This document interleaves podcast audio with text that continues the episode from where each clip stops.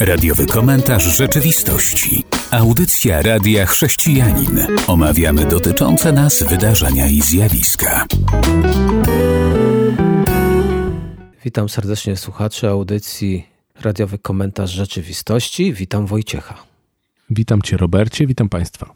Rzeczywistość przynosi nam wiele przeróżnych wiadomości, o których moglibyśmy powiedzieć i je skomentować. No ale na dzisiaj wybraliśmy tylko kilka, bo więcej nie będziemy w stanie powiedzieć. Ale jeżeli nasi słuchacze chcieliby, aby jakieś wiadomości były przez nas skomentowane, to zapraszam do nadsyłania linków do nich. A teraz już przechodzimy do omówienia pierwszej. Wojciech rozpoczyna. Pierwsza wiadomość jest, y, można powiedzieć, już świąteczna, ponieważ zbliża się wielkimi krokami do nas y, czas świąteczny.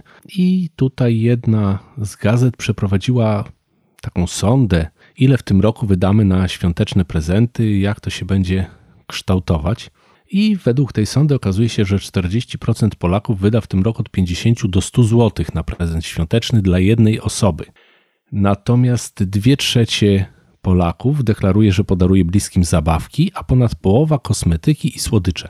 Z badań tych wynika również, że 29% Polaków zamierza przygotować prezenty świąteczne dla 4-5 osób. Co piąty pytany obdaruje 6-7 bliskich, 15% respondentów przygotuje podarki dla więcej niż 10 osób. 2% badanych chce wręczyć upominek jednej osobie, a tylko 1% Polaków nie kultywuje tej tradycji w ogóle. No i widzimy, że komercjalizacja chyba też troszkę wdarła się do naszego życia miło, że kultywujemy tą tradycję, ale czy to jest jakby klucz tych świąt? Mam wrażenie, że coraz częściej okazuje się, że wszyscy czekają na święta tylko po to, żeby otrzymać prezent, a przy tym całym szaleństwie przygotowań mam wrażenie, zapominamy trochę o tym, skąd się wzięły te święta, jaką mają swoją genezę, jaki mają swój początek i dlaczego w ogóle je świętujemy. Zacznę od prezentów. Każdy lubi dostawać prezenty. Tak więc bardzo dobrze, że tu z tych danych wynika, że ktoś chce tyle ludzi obdarować. Oj, żeby tak właśnie było. Obdarowujmy się, bo to jest bardzo miłe. Jeśli chodzi o urodziny Jezusa, jak co roku mam okazję wspomnieć, bardzo ciekawe święto. Urodziny Jezusa, a podczas tych urodzin wszyscy chcemy dostawać prezenty. Jezus jest gdzieś tak z boku, pewnie się przygląda, my się obdarowujemy i można byłoby powiedzieć, to czyje są to urodziny. Ale dobrze, że dajemy sobie prezenty, tylko byśmy nie zapomnieli, że Jezus przyszedł i po co przyszedł na ten świat.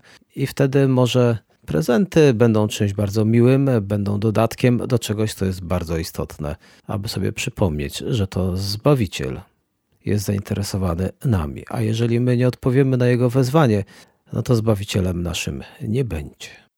To pociąga za sobą dosyć poważne konsekwencje. Zdecydowanie. Myślę, że w jakiś sposób idziemy w kierunku eliminacji tego sedna świąt. Chciałbym tutaj powtórzyć za serwisem do rzeczy, który pisze, że asystenci europosłów są namawiani, aby wpłynęli na członków Parlamentu Europejskiego, by ci nie wysyłali w tym roku życzeń bożonarodzeniowych. Tak więc tutaj, że ludzie chcą kupować prezenty, to jeszcze cudownie, ale jak widać już idzie coś od góry, żeby nie składać żadnych życzeń świątecznych. Do a jeszcze ktoś się poślizgnie w tych życzeniach i powie, że to życzenia z okazji narodzin Jezusa. Słowo święta, wiadomo, zaraz się też komuś skojarzy, nawet jak się nie wymieni imienia Jezus, bo jeszcze są tacy ludzie, którzy pamiętają, z jakiej okazji te święta są obchodzone.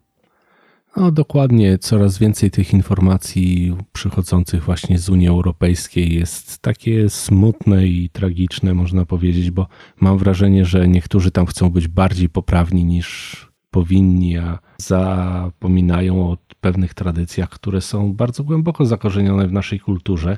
I mam wrażenie, że to może się bardziej obrócić przeciwko nim, bo jednak ludzie są przywiązani do swoich tradycji i do swoich przyzwyczajeń. Jak już poruszyłeś ten temat, to tak przy okazji zapytam, czy słyszałeś już wypowiedzi tych chrześcijan, którzy tak mocno skupili się na dyskusji, kiedy się Jezus urodził, że ma się wrażenie, że zapomnieli, po co się urodził? O tak, spotkałem się z takimi dyskusjami. Akurat no, ja osobiście nie brałem w tym udziału, bo nie mam aż tak dużej wiedzy, żeby to oceniać. Natomiast właśnie sednem jest chyba po co, a nie kiedy.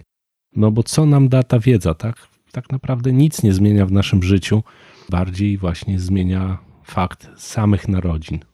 Kiedy Jezus się urodził, czy zimą, czy latem, tak naprawdę nie ma żadnego znaczenia. Każdego miesiąca mogę obchodzić urodziny Jezusa, choć pewnie nikt tego nie podchwyci. Czy zima, czy wiosna, niech będzie to chwila radosna. Tak, abyśmy mogli Jezusowi coś na te urodziny dać, tak abyśmy mogli sobie przypomnieć, po co Jezus przyszedł na świat. A co do daty i terminów, to niech będzie dla nas drugorzędne, a nawet trzeciorzędne. Ale tak, spotkałem się z takimi chrześcijanami, dla których data urodzenia Jezusa przysłoniła im ten najważniejszy element świąt, jakim jest, że przyszedł Jezus i po co on przyszedł. Miejmy nadzieję, że zrozumieją to tak proste przesłanie, bo tak jak wspomniałeś, ważne jest sedno, a nie jakieś, że tak powiem, dodatki, bo też się zgadzam z tym faktem, czy świętowalibyśmy latem, czy zimą. To, to tak naprawdę nie, niewiele zmienia w naszym życiu. Natomiast chciejmy pamiętać, chciejmy przypomnieć, jak zasiądziemy do stołów wigilijnych, przypomnijmy sobie, po co my tutaj zasiadamy, tak? Po co, po co w ogóle się zgromadzamy przy tych stołach, co chcemy upamiętnić tym faktem. O, bo tak naprawdę chodzi o upamiętnienie pewnego faktu, a nie daty. Co tam jeszcze przygotowałeś?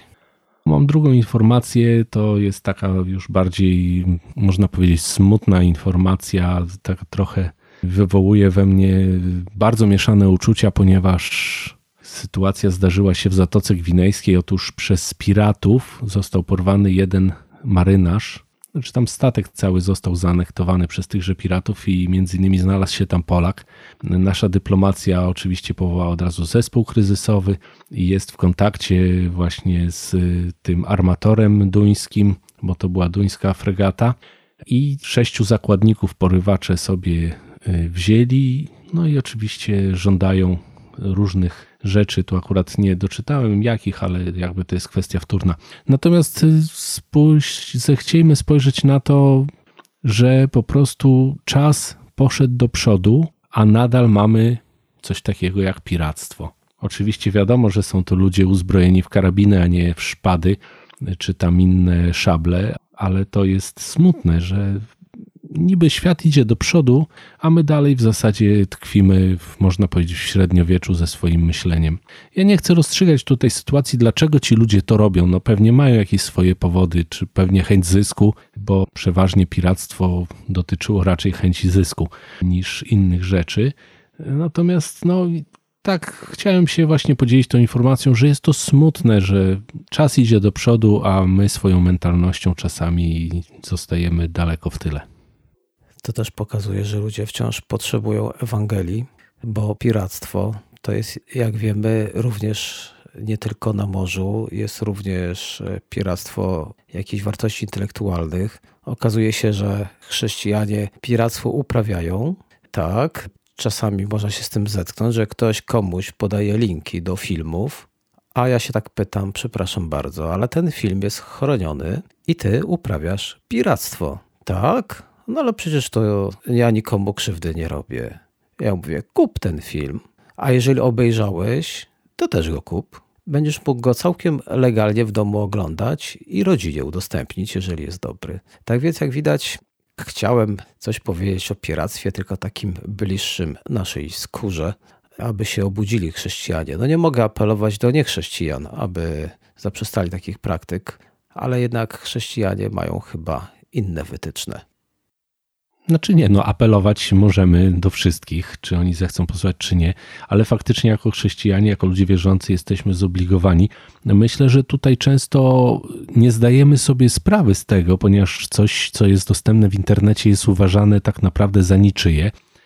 I często nie zdajemy sobie sprawy, że ktoś poświęcił na to swój czas, ktoś poświęcił na to swoje siły, swoje zdolności i chciałby też na tym zarobić, bo pewnie tym się zajmuje. Także słuszna uwaga, zwracajmy na to uwagę, co oglądamy, gdzie oglądamy, co komu przekazujemy, tak?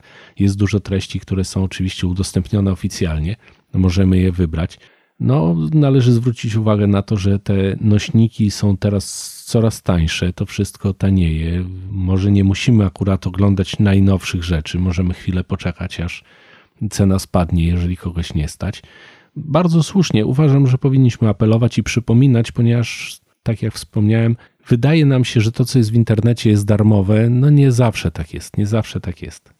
A teraz zapraszam naszych słuchaczy do wysłuchania utworu muzycznego, po którym wracamy i będzie część druga. Radiowy komentarz rzeczywistości. Utwór dobiegł do końca, co oznacza, że możemy dalej wrócić do naszych wiadomości. Wojciechu, podziel się kolejną. To jest taka trochę szokująca wiadomość. Jak Państwo pewnie się przekonali, jeżeli słuchacie naszych audycji, jestem zwolennikiem szczepionek i nie, nie ukrywam tego. Natomiast bulwersuje mnie sprawa, która teraz wydarzyła się w firmie Google, bardzo słynny koncern, bardzo duży. I otóż Google poinformował swoich niezaszczepionych pracowników, że mają czas do czerwca 2022 roku, żeby się zaszczepić przeciwko COVID. Jeśli jednak tego nie zrobią, to otrzymają wypowiedzenia. Pracownicy Google mają w sumie 6 miesięcy bezpłatnego urlopu, by ostatecznie zdecydować, czy chcą pozostawać na swoich dotychczasowych stanowiskach w koncernie. No i cóż, jakbym to skomentował? Tak jak wspomniałem, jestem zwolennikiem szczepień i zachęcam wszystkich, którzy tego nie zrobili, żeby się zaszczepili, bo uważam, że to jest no, nasz obowiązek, żeby dbać o zdrowie nie tylko swoje, ale i innych, żeby ten wirus jednak wytępić. Aczkolwiek, jak wspomniałem na początku, bulwersuje mnie takie stawianie sprawy, zwłaszcza w koncernie informatycznym, gdzie można dać pracownikowi przecież alternatywę nie chcesz się szczepić, no ale jesteś dobrym pracownikiem, pracuj zdalnie. W dzisiejszym świecie komputerowym nie ma to większego znaczenia, czy siedzimy za biurkiem w pracy, czy w domu, a takie stawianie sprawy jest trochę, uważam, no, dziwne, zwłaszcza w takiej firmie, która zdawałoby się jest bardzo rozwojowa, bardzo nastawiona na otwartość na świat. Co o tym myślisz, Robercie? Mogę podejrzewać, że za tym stoi jakaś polityka, niekoniecznie tutaj już praca, bo tak jak wspomniałeś, w firmach informatycznych można pracować zdalnie. Programiści mogą programować w domu. Zresztą zauważyłem, że wiele firm w tej branży lubi nawet, kiedy ich pracownicy pracują zdalnie, bo swój prąd wykorzystują, swoje powietrze, a oni nie muszą tyle mieć lokali dla swoich pracowników, co też za tym idzie, oszczędzają na wszystkim, nawet na papierze toaletowym i na wodzie, którą przecież za każdym razem, jak ktoś pójdzie, spuszczają. Więc podejrzewam, że gdzieś jest inne dno, a ja jestem za wolnością. Nie chciałbym, aby kogokolwiek zmuszać do szczepień. I to też już pewnie, jak ktoś już słuchał którejś z naszych audycji, mógł to usłyszeć. Każdy powinien mieć prawo do zdecydowania o tym, czy chce się zaszczepić, czy nie. No to tyle z mojej strony. To przechodzimy do kolejnej wiadomości, tak? Tak, ta wiadomość jest też dosyć trudną wiadomością, można powiedzieć, w kontekście właśnie osób wierzących, ale też i no, ludzi mieszkających w Korei Północnej. Otóż, jak się okazało, Korea Północna próbuje powstrzymać przecieki o publicznych egzekucjach prowadzonych w ostatnich latach i sugeruje to, że Fenian może reagować na międzynarodową kontrolę przestrzegania praw człowieka. Wskazała na to grupa broniąca praw człowieka z siedzibą w Seulu. I właśnie ta grupa przeanalizowała zdjęcia satelitarne i zebrała zeznania dotyczące 23 publicznych egzekucji w czasach Kim Jong-una, który objął władzę dekadę temu po śmierci swego ojca, czyli w grudniu 2011 roku. Uciekinierzy z Korei Północnej również potwierdzają, że te egzekucje były prowadzone w ściśle monitorowanych miejscach, a władze pilnowały, by żadne informacje nie wydostały się na zewnątrz. No i cóż tutaj można powiedzieć? No, tak jak mówiłem przy poprzedniej informacji o piractwie, niby świat idzie do przodu, a my dalej tkwimy w średniowieczu. No, no, wydaje się to drastyczne, że w dzisiejszych czasach ktoś prowadzi publiczne egzekucje, że po prostu ludzie za swoje poglądy są mordowani i tak jak y, wspomniałem, dotyczy to nie tylko osób wierzących, ale również w bardzo dużym zakresie, ponieważ Korea Północna, jak wiemy, jest krajem komunistycznym a ten reżim no, nie toleruje Pisma Świętego, dlatego że Pismo Święte mówi o wyzwoleniu, o wolności, a takiemu reżimowi nie zależy na tym, żeby ludzie byli wolni, tylko żeby myśleli tak jak chce rząd, pracowali jak chce rząd, robili wszystko, co chce rząd. Tak, a Jezus jednak przynosi nam wolność. I to dla takiego reżimu jest bardzo niebezpieczne, bo ludzie zaczynają myśleć o tym, że mogą być wolni. No i to jest, uważam, w tych czasach naprawdę trudny temat. Dziwię się, że światowe organizacje tak niewiele robią, żeby przeciwdziałać temu tematowi. Rozumiem, że to jest polityka, tak, że rozmowa z Koreą Północną jest dosyć trudna, ponieważ oni uważają się za mocarstwo i dążą do tego, żeby stać się światową potęgą, a co gorsza posiadają broń atomową, więc mają jakiś tam że tak powiem, asa schowanego w rękawie. Natomiast y, nie wiem, czy świat nie robi za mało. Cieszę się, że ludzie wierzący właśnie w Korei starają się propagować naukę Chrystusa, starają się uczyć ludzi, dawać im nadzieję. No ale cała sytuacja na świecie trochę jakby umyka wszystkim. Dobrze, że są organizacje, które nagłaśniają takie tematy. To wrócimy do kraju, w którym e, podobnie się dzieje. Chodzi o Chiny, ale tak naprawdę to chciałem powiedzieć, jak czytam w pewnym serwisie amerykańskim CBN, e, Biały Dom ogłosił w poniedziałek, że nie wyśle żadnej dyplomatycznej ani oficjalnej reprezentacji do Pekinu na zimowe Igrzyska Olimpijskie 2022. Ciekawe, nie jestem w stanie tego teraz e, potwierdzić, czy ta wiadomość to jest tylko pobożne życzenie, czy już faktycznie ten Biały Dom ogłosił. Serwis twierdzi, że ogłosił. Bardzo odważna decyzja. Z jakiego powodu? Właśnie, ciągłe ludobójstwo, zbrodnie przeciwko ludzkości. Tu cytuję. Właśnie to jest ten powód bojkotu Igrzysk Olimpijskich. W Korei nie ma olimpiady, więc pewnie to jakoś tak przejdzie i po cichutku. Tutaj jest olimpiada i pewnie sportowcy chcieliby pojechać, no ale już wiemy, że jest to kraj, który ten sposób sobie buduje może jakąś opinię, że tu sport, a sport to jest poza granicami politycznymi i religijnymi, a sam w sobie, i to już chyba wszyscy wiedzą, Chiny nie tylko mają obozy koncentracyjne, ale mają też i więzienia i mają też wiele innych sposobów nacisku na tych, którzy niekoniecznie podzielają poglądy komunistycznej partii Chin.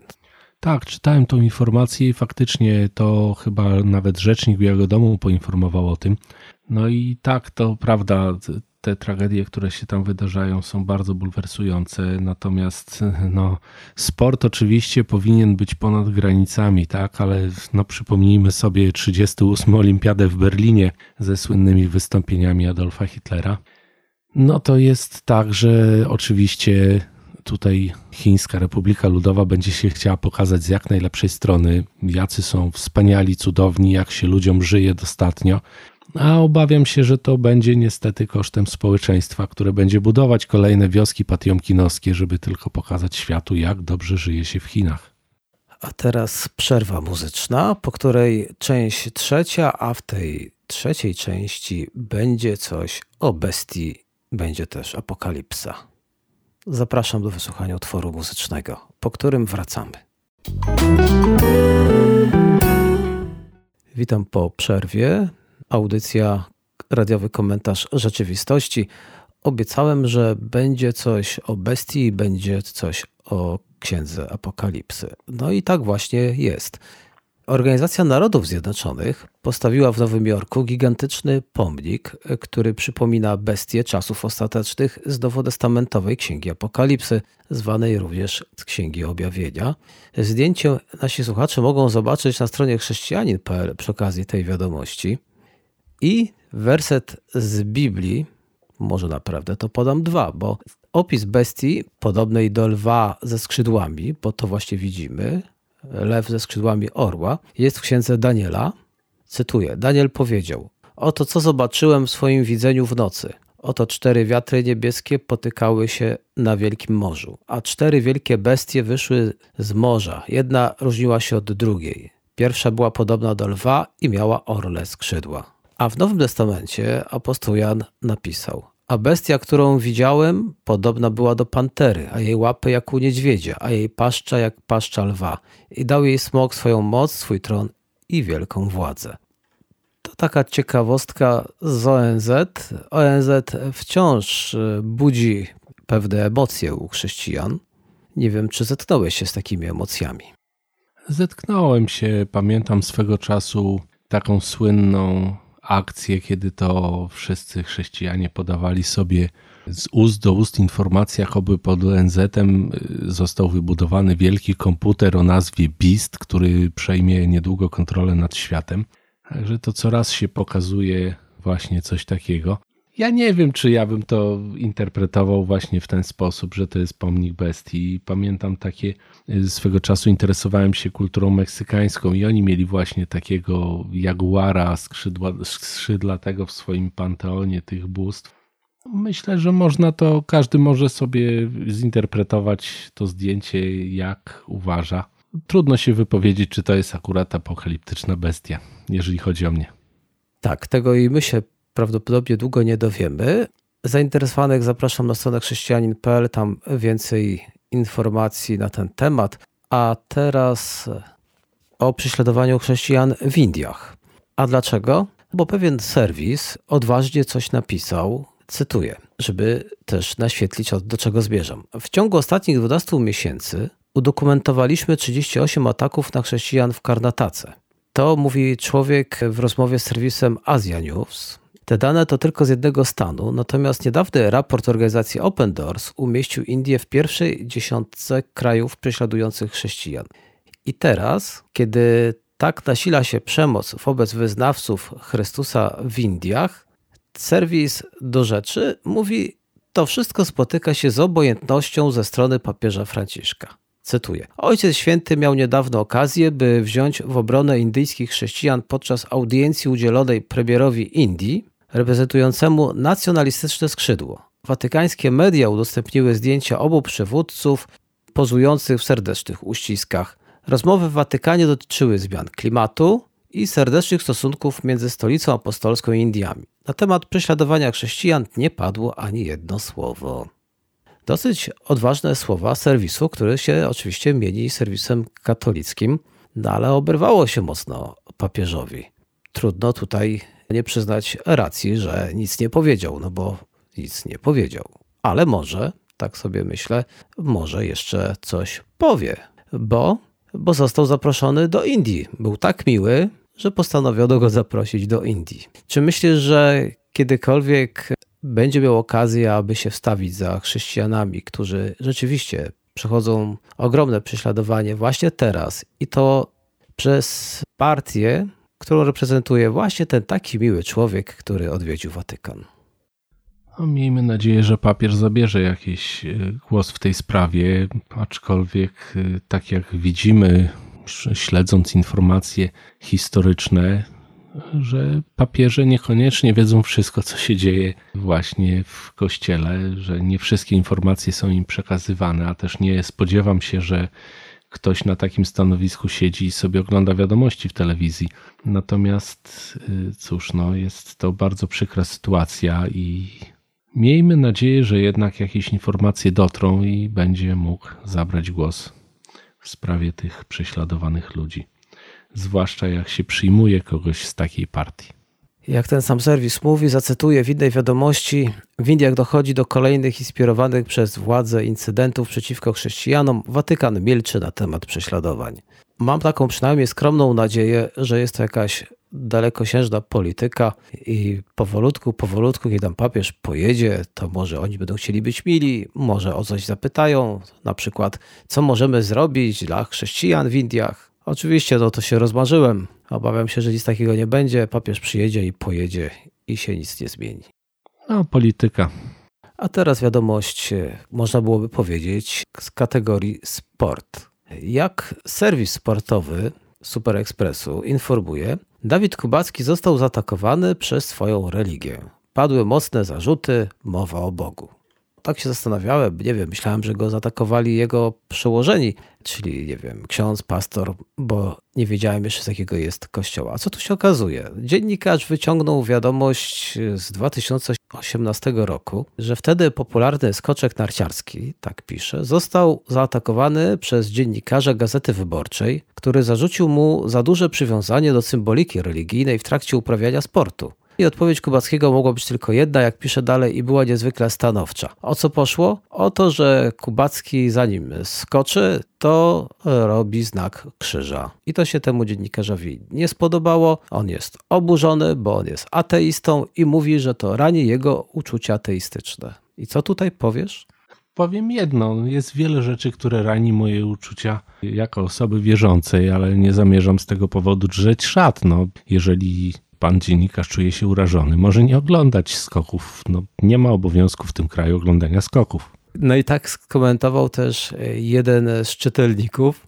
Sam Kubacki też zabrał głos i dobrze, że zabrał głos.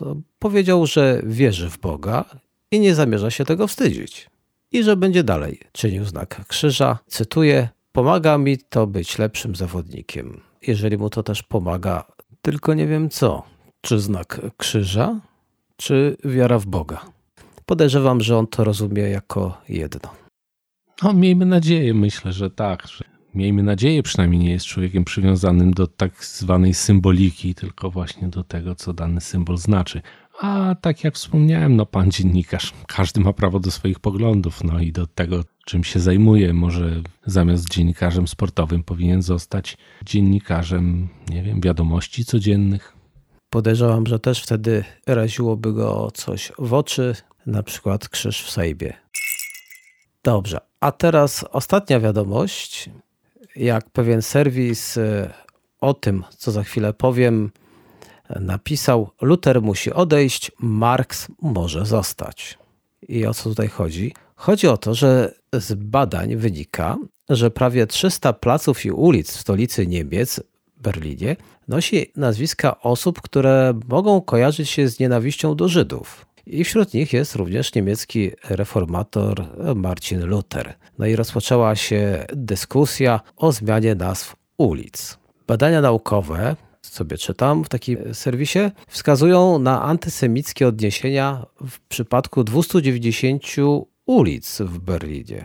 Proszę, Niemcy robią porządki. A zapewne znasz takie postacie jak Wagner, Ryszard Wagner. No, słynny muzyk. Tak, no jego też są ulice, więc e, podejrzewam, że będą usuwać, dlatego że Wagner był antysemitą, jak już to określili. Jest jeszcze były kanclerz powojennej Republiki Federalnej Niemiec, też będą pewnie usuwać.